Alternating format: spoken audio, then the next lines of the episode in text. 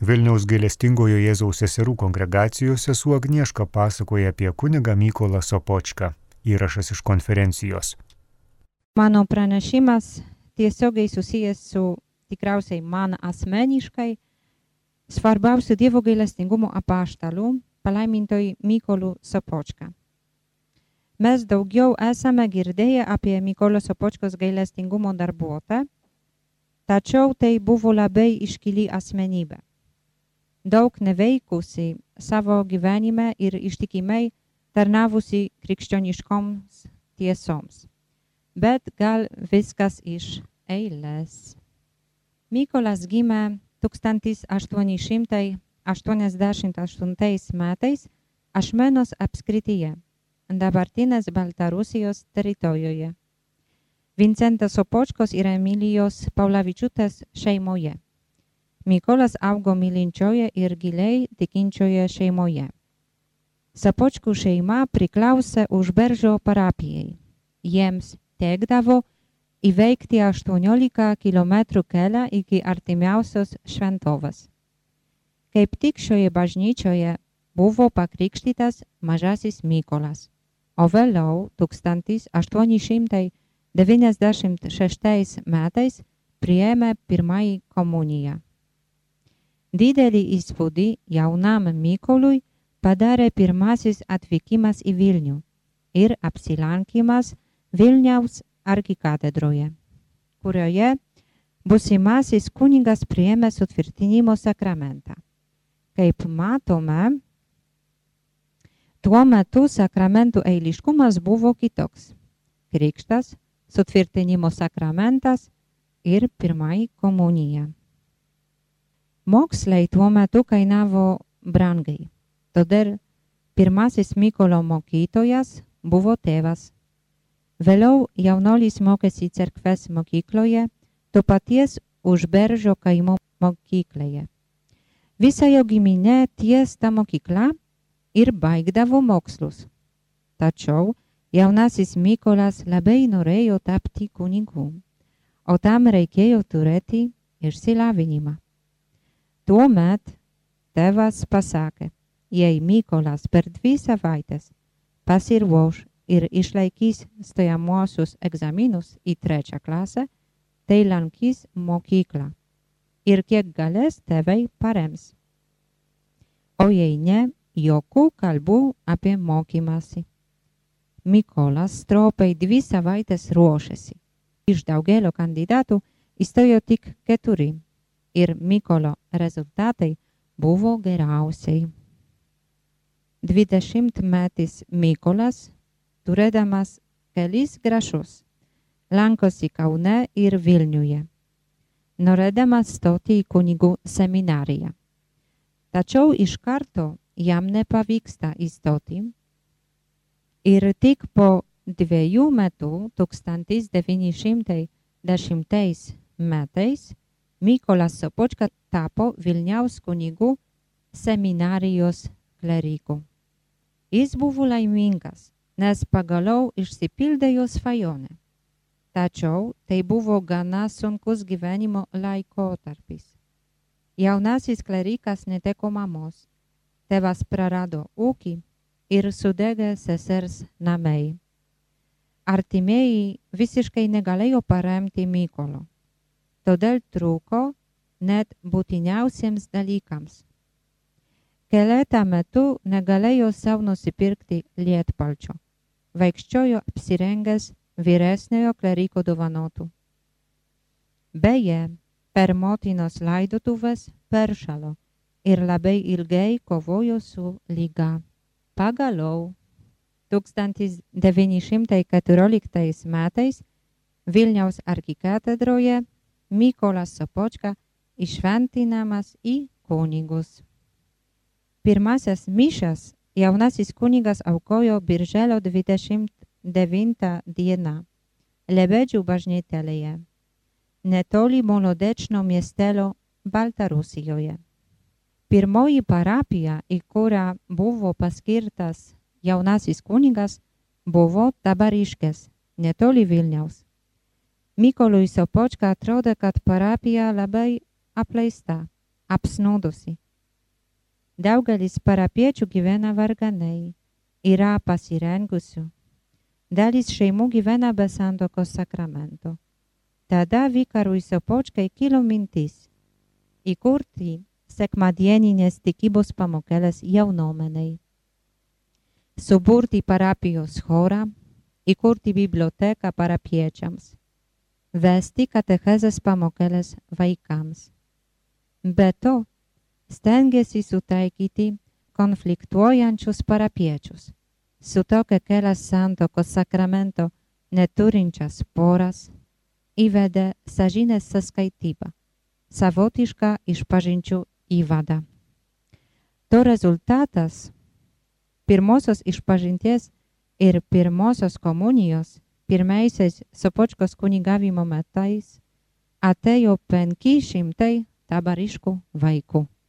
Kunigas Sopočka nuolat jautė poreikį siekti aukštesnių mokslų. Dėl to vyko į Varšuvą ir įstojo į universiteto teologijos fakultetą.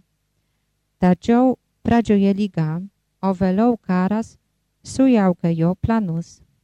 Kai tik nugirdo, kad fronte labai stinga dvasininkų, savanoriškai pasisiūlė į kapelionus. Nuo tos akimirkos jo tolesnis gyvenimas buvo susijęs su karo kapelono tarnyste. Tačiau, kaip sako lietuvų patarlė, kas daug veža, tam daug krauna.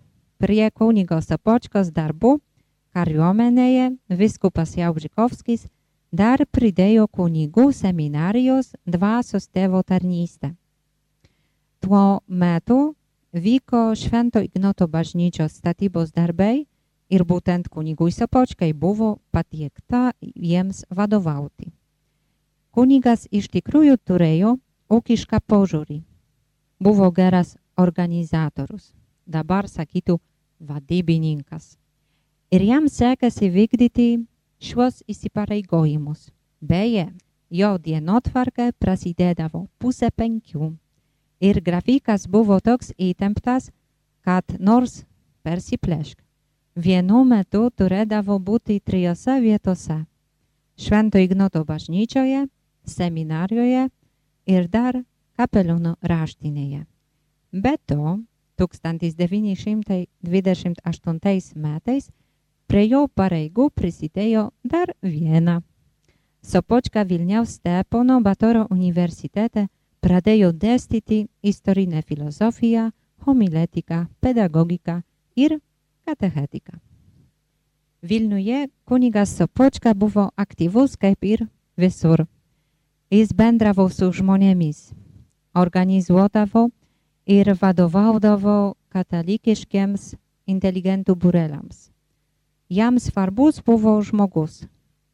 Rūpėjo bėdos, problemos, kurias patirdavo parapiečiai. Su viena iš jų susidūrė dar tarnaudamas tavariškų parapijoje.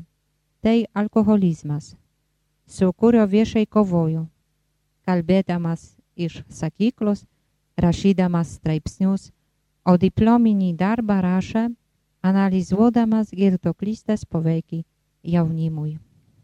Atvykęs į Vilnių, Sopočka klausėsi miesto vienuolių seserų išpažinčių. Jis lankėsi septyniose vienuolijose. Tarp jų ir pas Dievo motinos gailestingumo seserys. Tarnaudamas kaip nuodėmklausis, Sopočka susitiko su seremi Faustina. Pradžioje pabūgęs sesers Faustinos kalbų, Sopočka pasiūlė vienuolijos vyresnėjai nusiųsti Faustiną į kvalifikuotą psichiatrinę ekspertizę. Tačiau, paaiškėjus, kad Faustina yra sveika, Sopočka pradėjo labiau pasitikėti seserimi. Ragino rašyti dienoraštį. Stengėsi vykdyti Jėzaus nurodymus, apie kuriuos kalbėjo sesuo Faustina.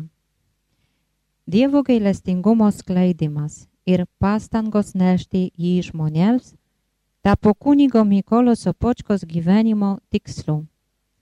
Savo dienoraštyje jis rašė, manau šiandien, Dievo gailestingumo kultą, o ypatingai Dievo gailestingumo šventės paskelbimą laikiau vienu svarbiausių gyvenimo siekių.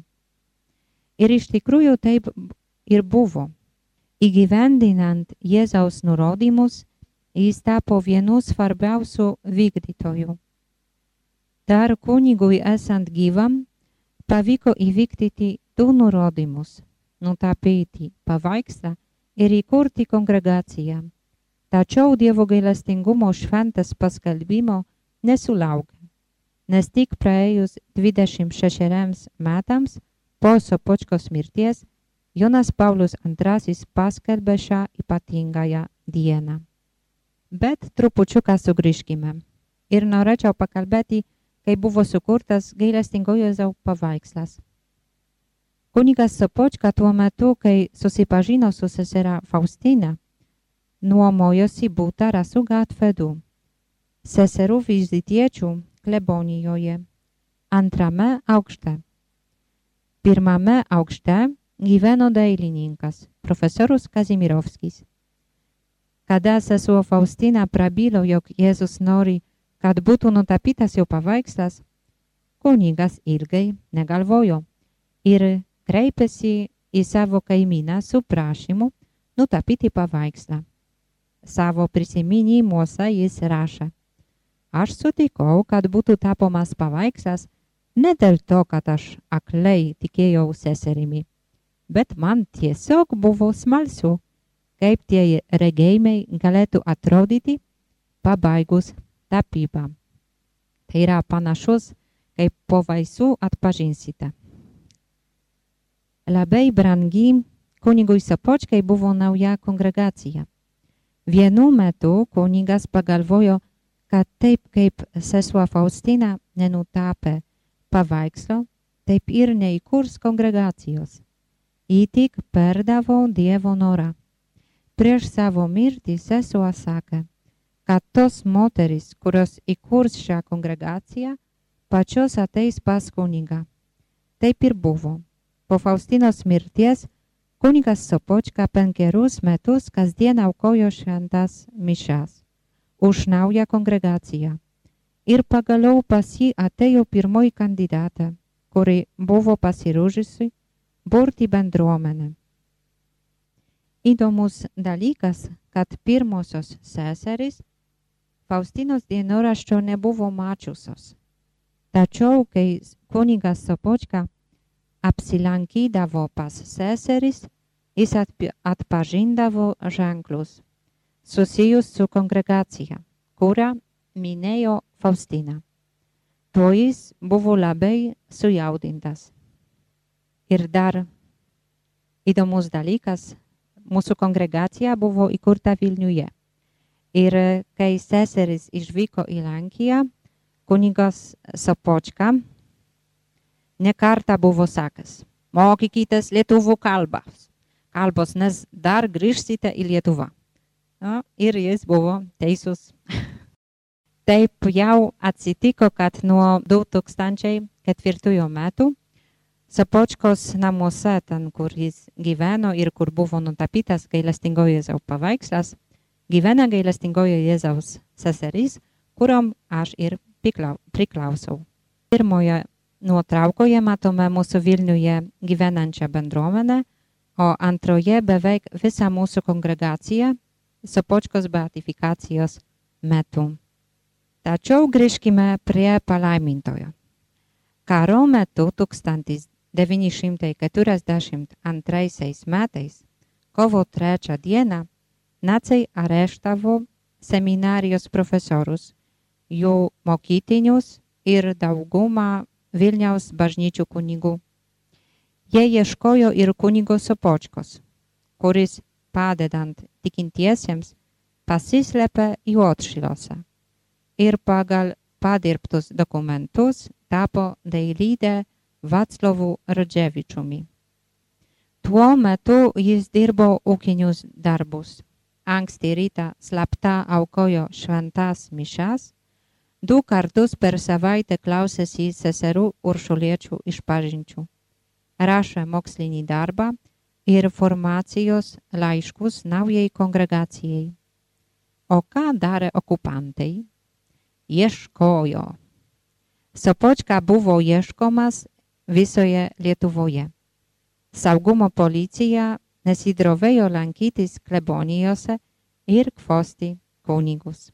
Karo metus Sopočka nugyvena Juotšilose, o vėliau grįžta į Vilnių, tarnauja švenčiausios trejybės bažnytelėje, dabartinėje Dievo gailestingumo šventovėje. Tačiau Vilniuje ilgai neužsibūna. Vyksta į Balstogę, kur iki pat mirties tęsia savo misiją. Visais įmanomais būdais. Iš sakyklos, spaudoje, net radio laidose. 2009 metais Balstogėje įvyko kunigo Mykolo Sopočkos beatifikacija. Joje nuskambėjo popiežiaus Benedikto XVI pasvarstymai apie palaimintąjį. Ištrauką norėčiau pacituoti. Šiuo ypatingu būdu sveikinu šiandien Lenkijoje Balstogėje vykstančios Dievo tarno kunigo Mykolo Sopočkos, Šventos Faustinos Kovalskos nuodėmklausio ir dvasios vadovo beatifikacijos dalyvius. Jo patariama savo mistinės patirtis ir gailestingojo Jėzaus apreiškimus, sesuo Faustina aprašė mums gerai žinomame savo dienoraštyje. Taip pat jo pastangomis buvo nutapytas ir pasauliui perduotas garsus paveikslas su užrašu Jėzau pasitikiu tavimi. Šis Dievo tarnas buvo žinomas kaip uolus kunigas, profesorius ir auklėtojas. Dievo gailestingumo kulto puoselėtojas.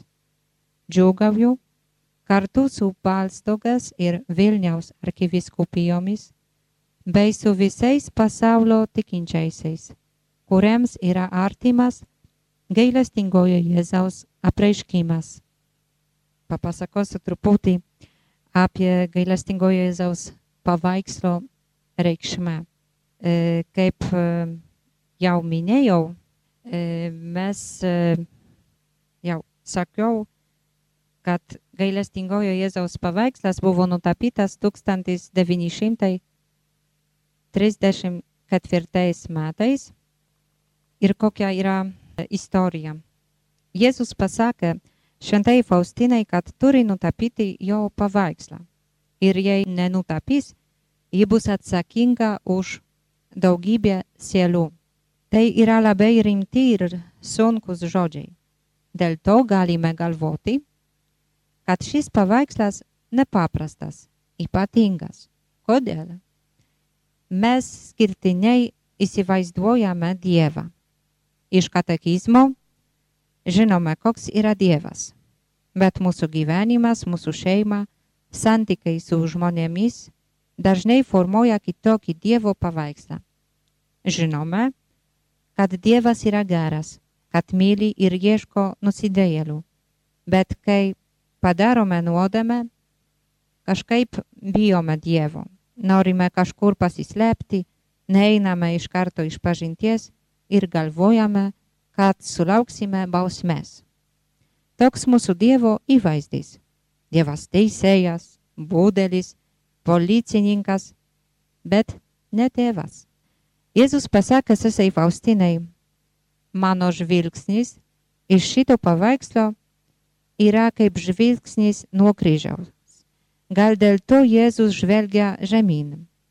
Bet šitas žvilgsnis taip pat rodo jo jausmus - atleidimą, meilę ir džiaugsmą kad esame išpirkti. Atrodo, kad Jėzus kalba, aš visada žiūriu į tave su meile, atleidimu ir džiaugsmu, niekada su neapykanta. Atrodo, kad Jėzus dar kalba, ir tu daryk taip kaip aš, ir tu taip žvelg į žmonės. Jėzaus dešinė ranka pakelta palaiminimui. Šitą gestą žinome iš išpažinties ir iš mišių pabaigos. Jėzus atleidžia ir laimina. Visada. Jis negrasina žmonėms, taip kaip mes kartais. Aš tau parodysiu. Čia ne tas gestas. Dar daugiau. Atrodo, kad jis kalba. Tu taip atleisk ir tu laiming, ypač tuos, kurie tau padarė blogą. Nepamiršk. Palaiminimas saugo tavo širdį nuo neapykantos. Turime vieną širdį. Jei dalis jos apimta pykčio kam nors, tai su laiku visa širdis bus jo pilna.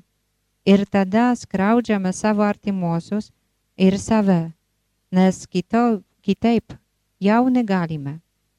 Jėzaus kairė ranka rodo mums savo šoną. Evangelijoje pagal šventąjį Joną skaitome. Vienas kareivis ietimi pervėrė Jėzų į šoną, iš kurio ištekėjo kraujas ir vanduo. Iš Jėzaus šono, iš širdies, ištekėjo kraujas ir vanduo. Raudonas spindulis reiškia kraurę, Eucharistiją, o balsganas spindulis reiškia vandenį krikštą ir išpažinties sakramentą. Šie du sakramentai yra mūsų gyvybė. Jėzus rodo, kur yra mūsų vieta. Jo širdyje, niekur kitur, bažnyčioje. Nes sakramentai tai bažnyčia gimusi Jėzaus Kristaus mirties metu. Kojos. Jėzus nestovi ir nelaukia, kol ateisim pas jį. Jis pirmas ateina pas mus. Jo gailestingumas, jo meilė yra visada pirma.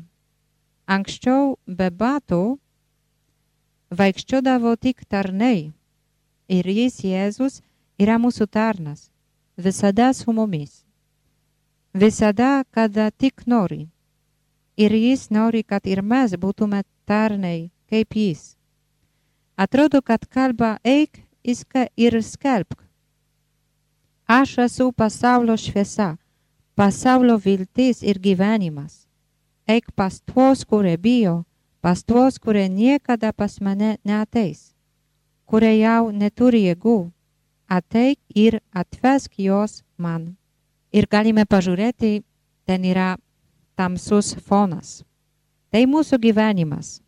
Labai reta jame yra rožinė spalva arba žala, ar ne? Džiaugsminga, viltinga. Nu, dažniausia pilka, daug yra tamsos. Bet Jėzus rodo, ką reikia daryti, jei yra tamsu. Reikia ateit pas jį per sakramentus, per atgailą, maldą. Jis yra vienintelė mūsų šviesa, viltis ir gyvenimas.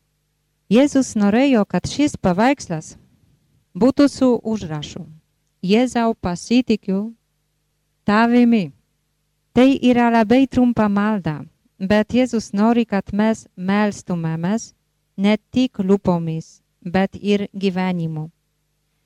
Jei mus aplanko sunkus momentai, pavyzdžiui, prarandame savo darbą, arba nepagydoma lyga suserga mums artimas žmogus, pirmiausia nervinamės Paskui ieškome žmonių pagalbos. O trečia, jei niekas nepadėjo, ateinam pas Dievą. Tada mes melžiamės. Jėzau, o iš tiesų pasitikiu savimi, žmonėmis, pinigais, bet ne Dievu. Nuo ko pradedame, tai mūsų Dievas. Dažniausiai pradedam nuo savęs. Ką aš padarysiu, ar ne? O Jėzus nori, kad mes su savo problema ateitume pas jį, kad mes Jėzui paliktume šią problemą. Mes ateinam pas Dievą, bet dažnai sakome jam, kaip reikia išspręsti tai, ne? kaip reikia išspręsti, nes Dievas nežino. O to Jėzus nenori. Jis kalba, atiduok man savo problemą. Jei mes šitai padarome, tada mūsų širdise atsiranda tokia tikra ramybė, kurios niekas kitas negali mums duoti, nes žinome, kad mūsų gyvybė yra Dievo rankose. Dievo, kuris mus labai myli. Be to žinome, kad negalime pasiklauti žmonėmis, nes jie tik žmonės. Trečias dalykas, jei šitas problemas atiduodame Dievui, jos jau nebepriklauso mums. Tada ir vyksta stebuklai. Žmonės sako, mano artimiausias žmogus mirė. Stebuklo nebuvo. Bet prieš jo mirtį visi atliko išpažinti ir šeima pirmą kartą po daug metų galėjo kartu pakalbėti, pabūti. Sakiau, stebuklo nebuvo, bet netoks, kokio norėjau. Netoks, bet buvo. Būna įvairiai. Bet tikrai Jėzau, Jėzus tada veikia. Jėzus sako, pasitikėk manimi, aš tikrai rūpinosi tavimi. Tu nebijok, tik viską atiduok man.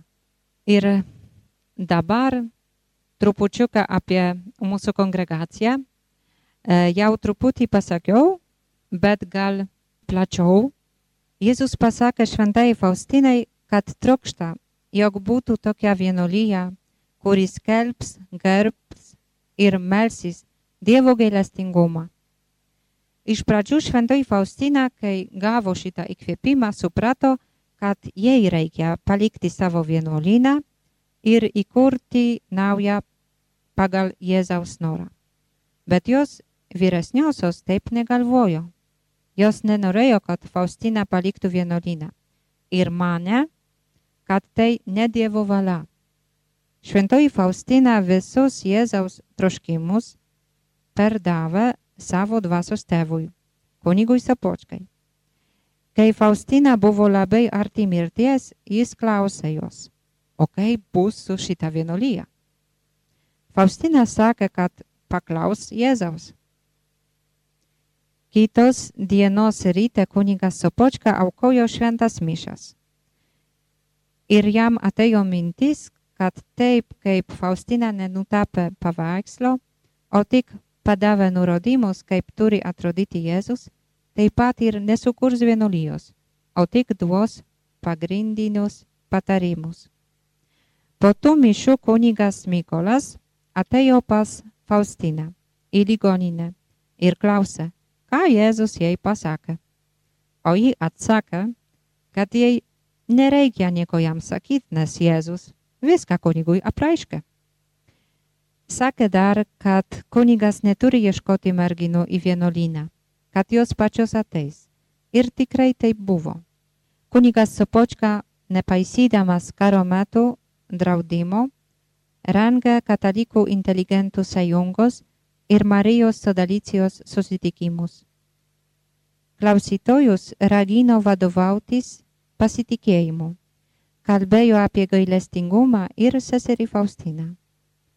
1941 metais pas kunigą Sopočką atvyko Jadwiga Osińska iš Kairės, kuri pasakė, kad nusprendė pasiaukoti gailestingiausiojo išganytojo tarnystai ir įsteigti naują kongregaciją ar kažką panašaus Dievui šlovinti jo beribiame gailestingume. Prie jos prisidėjo Izabelė Naborovska iš dešinės, o 1942 metų balandžio 11 dieną Adveliko išvakarėse pirmosios šešios kandidatės davė įžadus.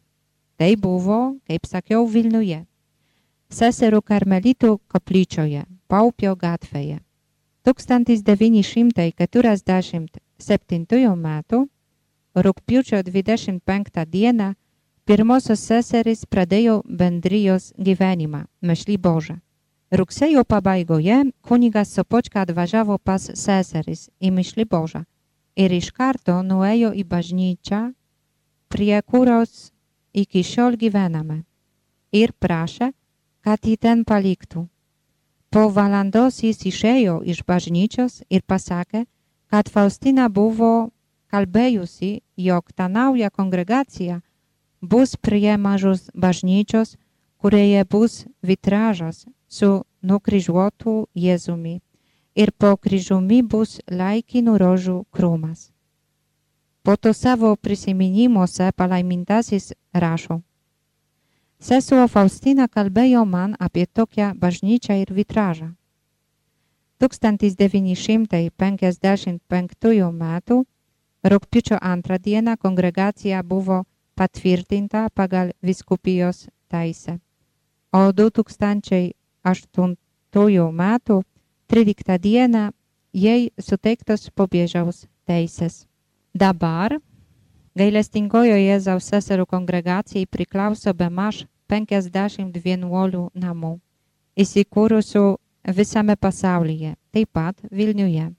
Gyvename Rasų gatvė 4A ir Vilniuje tarnauja dabar penkios kongregacijos seserys, dirbame Dievo gailestingumo šventovėje, palaimintojo kunigo Mikolo Sopočkos hospise, darželyje šypsena ir dar namuose rengiame susitikimus jaunimui ir suaugusiems.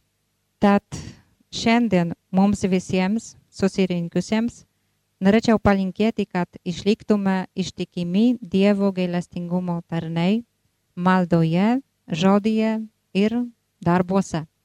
Ačiū visiems už dėmesį. Apie kunigą Mykolą Sopočką pasakojo Vilniaus gailestingojo Jėzaus seserų kongregacijos sesuo Agnieška.